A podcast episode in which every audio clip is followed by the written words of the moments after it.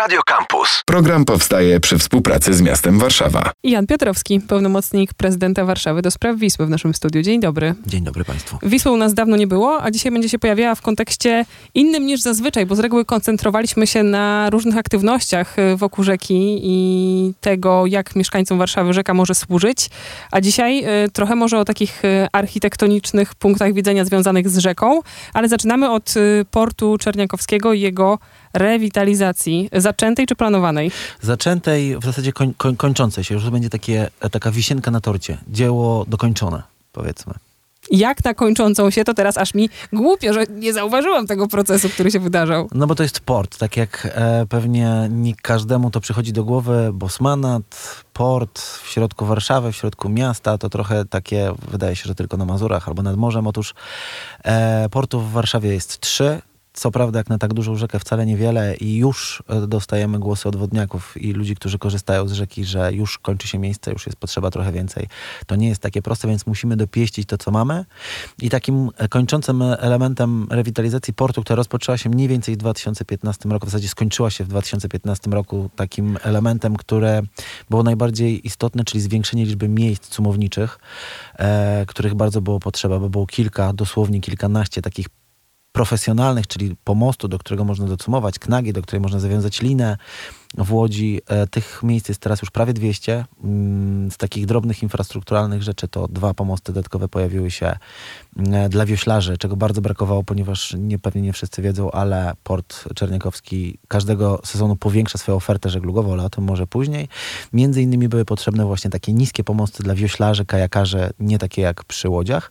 Natomiast ten do Łodzi na przykład nowy, który powstał trzeci i czwarty, który planujemy, służy do nowej sauny pływającej, która była zrealizowana w ramach budżetu obywatelskiego. O niej też mówiliśmy. Tak, więc ona e, zaczęła działać mniej więcej kwartał temu, dopiero trzy miesiące. Mam wrażenie, że już jakby cały rok, ponieważ zainteresowanie jest ogromne.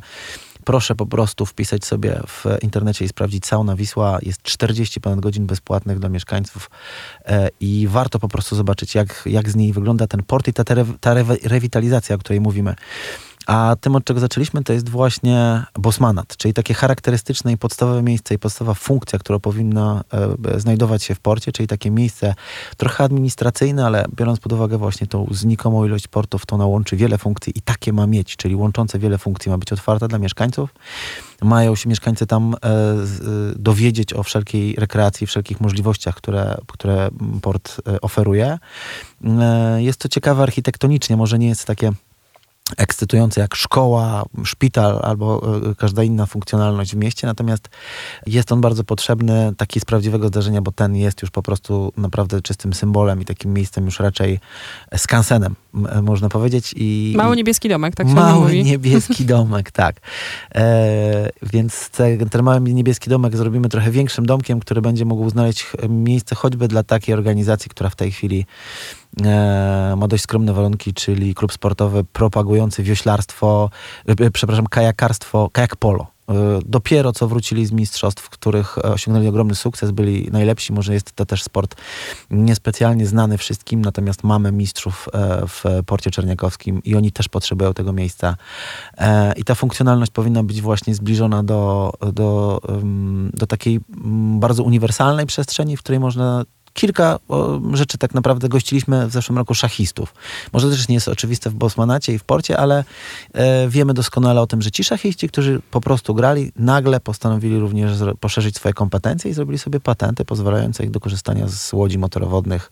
E, więc taka nasza rola, żeby pokazać e, szeroko rozumianą funkcjonalność. Sprytnie, taki czyściec dla różnych innych sportowców, którzy posiedzą chwilę i potem się okaże, że oni jednak może też by chcieli na wodzie.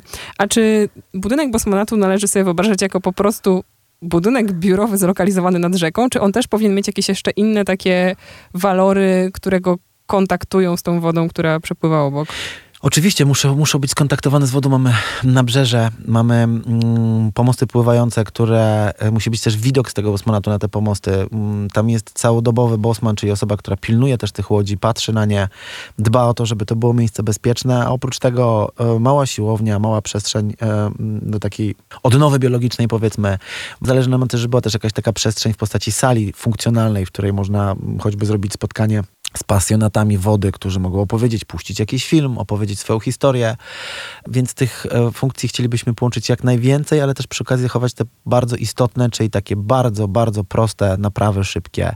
Możliwość e, przechowania jakiegoś podstawowego sprzętu, przywiezienia go, zostawienia oczywiście w ramach um, oczywiście możliwości. No i sam budynek, e, to jest też ciekawe, um, ma piękną historię w tym miejscu i, i, i w kilku innych, ponieważ był um, no, skarbem architektury, niestety nie, nie, już do odtworzenia w takiej formie, ponieważ tych wszystkich budynków naokoło Sol, no, Sol, Solca i tej części Warszawy już nie ma, więc on będzie pewnie bardziej nawiązywał do tego nowego bulwaru. Natomiast to już jest rola właśnie e, występujących i biorących udział w tym konkursie architektów i projektantów. E, tych zgłoszeń przyszło ponad 100. Jesteśmy z tego bardzo zadowoleni, więc te wszystkie e, projekty będziemy musieli ocenić, sprawdzić jak pomysłodawcy tej nowej przestrzeni przeanalizowali sobie zadania, które zostały przed nimi postawione. Czy to musi być też duży budynek? Bo tych funkcji, które będzie spełniał, jest całkiem sporo. Tak, ale on ma być też dostosowany do możliwości przestrzeni. Port Czerniakowski nie jest duży. Trzeba sobie powiedzieć wprost, on jest, on jest bardzo mały, większy nie będzie na pewno, bo nie ma takiej możliwości. Też jest zlokalizowany częściowo, część e, wschodniego nabrzeża znajduje się w przestrzeni już objętej ochroną Natura 2000, więc e, no, wszystko w mikroskali, e, natomiast przede wszystkim funkcjonalność. Czy w ramach rewitalizacji też jakieś działania takie y, na twardym gruncie wokół Bosmanatu? E, no na pewno będzie trzeba pomyśleć o kilku miejscach, które um, może nie będą samym miejscem parkingowym, ale takim miejscem do rozładowania. Trzeba pamiętać, że jednak łodzie potrzebują paliwa, potrzebują e, jakiegoś miejsca do takich prostych napraw. E, taką częścią też e, do takich prawdziwych napraw jest pochylnia zrewitalizowana po starej stoczni Fajansa, która jest troszeczkę dalej, ale tam jest dźwig, które można tym dźwigiem wyciągnąć łódź, dokonać podstawowych napraw i ją z powrotem zwodować. Zimowisko dla łodzi, bo nie wszystkie łodzie mogą przez zimę stawać, port, stawiać, zostać na wodzie. Port zamarza e, w tym roku może mniej, w zeszłym porządnie na, na kilka dobrych dni, a nawet tygodni. E, to nie zawsze służy łodziom, e, więc do tego pewnie takim dodatkowym i ostatecznym elementem jest coś, co też projektujemy w tej chwili, czyli most. Kładka, most, e, coś co przechodzi przez kanał portowy, co było w e, Warszawie w Porcie Czerniakowskim drewniane, w 2012 roku został zdemontowany nie wszyscy go pamiętają. On bardzo jest funkcjonalny, ponieważ ktoś, kto nie zna tej przestrzeni, a najczęściej jeśli jest się w niej pierwszy raz, to można się troszeczkę zgubić. Jeśli ktoś się umawia na zajęcia i trafi na drugą część portu, czyli od tej ulicy Zaruskiego, od Cypla Czerniakowskiego, to powrót do miejsca docelowego to jest jakieś 30 minut szybkim krokiem. Więc ten most na pewno ułatwi. Jest też taką dodatkową, e, dodatkowym elementem ścieżki rowerowej, choćby nadwiślańskiego szlaku rowerowego, który biegnie wzdłuż całego lewego brzegu. Tu się będzie można przemieścić na drugą stronę, przejechać kładką pod mostem Łazienkowskim i wpaść już w nasz las łęgowy i tam mknąć od e, powiedzmy plaży romantycznej na Wawrze po Jabłonną albo nawet na plażę naszą aluzyjną na Białęce. Port Czerniakowski to dzisiaj główny bohater naszej rozmowy z Janem Pietrowskim, pełnomocnikiem prezydenta Warszawy do spraw Wisły. Koncentrujemy się wokół rewitalizacji portu Czerniakowskiego, ale w Warszawie mamy jeszcze dwa inne porty, czyli Praski i Żerański. Co z nimi? Czy je też czeka taki rodzaj zmian? No, wiemy doskonale o tym, że port y, praski jest elementem tej przemiany dewelopersko-mieszkaniowej, która jest w tym miejscu. On jest prywatny, więc ten dostęp jeszcze jest niedookreślony. On na pewno przejdzie rewitalizację i wiemy o tym. Jest przepiękna śluza. Można sobie zobaczyć coś, y, infrastruktura y, wodna, hydrologiczna, która jest dostosowana do potrzeb tego portu. Z, zabezpieczenie oczywiście też przeciwpowodziowe. No warto zobaczyć czysto, z czystej ciekawości architektonicznej. No i port Żerański, który w tej chwili też wkracza w okres rewitalizacji. Mamy w planie budowę parku żerańskiego na zachodniej części. I pierwszy basen portowy, bo tak się nazywa, tych basenów mamy trzy. E, tam e, w najbliższej przyszłości planujemy też rewitalizację tej przestrzeni, doposażenia w pewne pomosty, wydzierżawienie i może powiększenie właśnie tych miejsc cumowniczych, których brakuje. E, to jest znacznie dalej od centralnego odcinka tego, na którym jesteśmy. Jest też śluza na Żeraniu, którą trzeba przepłynąć, ale przedzierając się przez śluzę i z portu żerańskiego już mamy bardzo blisko kanałem na Zalew Zegrzyński. Więc tych możliwości możliwości jest bardzo wiele. Tam też trzeba wspomnieć, rozwija się rekreacja mm, i sport na wodzie, ponieważ tam mamy klub sportowy Spójnie, mamy e, Warsaw Rolling Club. No tutaj też to jest doskonałe miejsce, żeby wspomnieć, że niestety ostatnie wichury dotknęły e, Warsaw Rolling Club i łodzie wioślarskie, które nie są E, to, to nie jest powiedzmy tani zakup, trzeba pamiętać. Niestety dotknęło ich, ten, ten żywioł ich dotknął bardzo i w każdej chwili można spojrzeć, jak można wesprzeć ten nowy w zasadzie i bardzo odradzający się świeży klub e, wioślarski, który już też ma sukcesy. Mamy jakiś taki narodowy talent do tych sportów wodnych i trzeba go pielęgnować i, i tylko umożliwiać i ułatwiać mm, rekreację na wodzie, bo oprócz tej bliskości natury jest to kompleksowy rozwój fizyczny i bardzo warto na to stawiać. Bardzo się cieszę, że tyle tych aktywności zostało wymienionych i że wprowadziliśmy do stacji Warszawa tyle nowego języka typu szkuta, śluza i bosmanat. Nie operujemy takimi hasłami na co dzień i to może też być wyraz tego, że po prostu jakby nie zdajemy sobie może sprawy z tej palety aktywności, która się wiąże z sąsiadywaniem z rzeką w mieście. Myślę, że to jest też nasza rola. Polecam w tym roku budżet obywatelski oraz nasze plany, choćby otwarcie sezonu, które planujemy na koniec maja, wiąże się z takimi dniami otwartymi i możliwością tak naprawdę dotknięcia i sprawdzenia wszystkich tych aktywności, o których wspomniałem. Oczywiście na początek bezpłatnie, tak żeby zobaczyć, czy um, mamy do tego chęć, czy, czy, czy, czy jest coś, co nas przyciąga. Gwarantuję, że na pewno tak. Plus e, w, budżet, w ramach budżetu obywatelskiego będzie ogromny projekt, który bezpośrednio, co piękne, nawiązuje do jednego z haseł dzielnicy Wisła. Rzuć wszystko i chodź nad Wisłę. Więc e, rzućmy wszystko w dowolnej chwili. Będzie mnóstwo bezpłatnych rejsów. Wszystkie te jednostki, o których wspomniałem, czyli te drewniane szkuty, motorówki, galary, e, dłubanki i, i naście różnych tradycyjnych łodzi drewnianych i nie tylko tradycyjnych, bo są to też barki przeszklone ze słonecznym dachem, na którym jeśli ktoś nie ma potrzeby na przykład e, takiego flisackiego życia, to może sobie spędzić ten czas na dachu po prostu e, obserwując bulwary mm, z takiej trochę wyższej pozycji. Więc wszystkie te jednostki będą dostępne.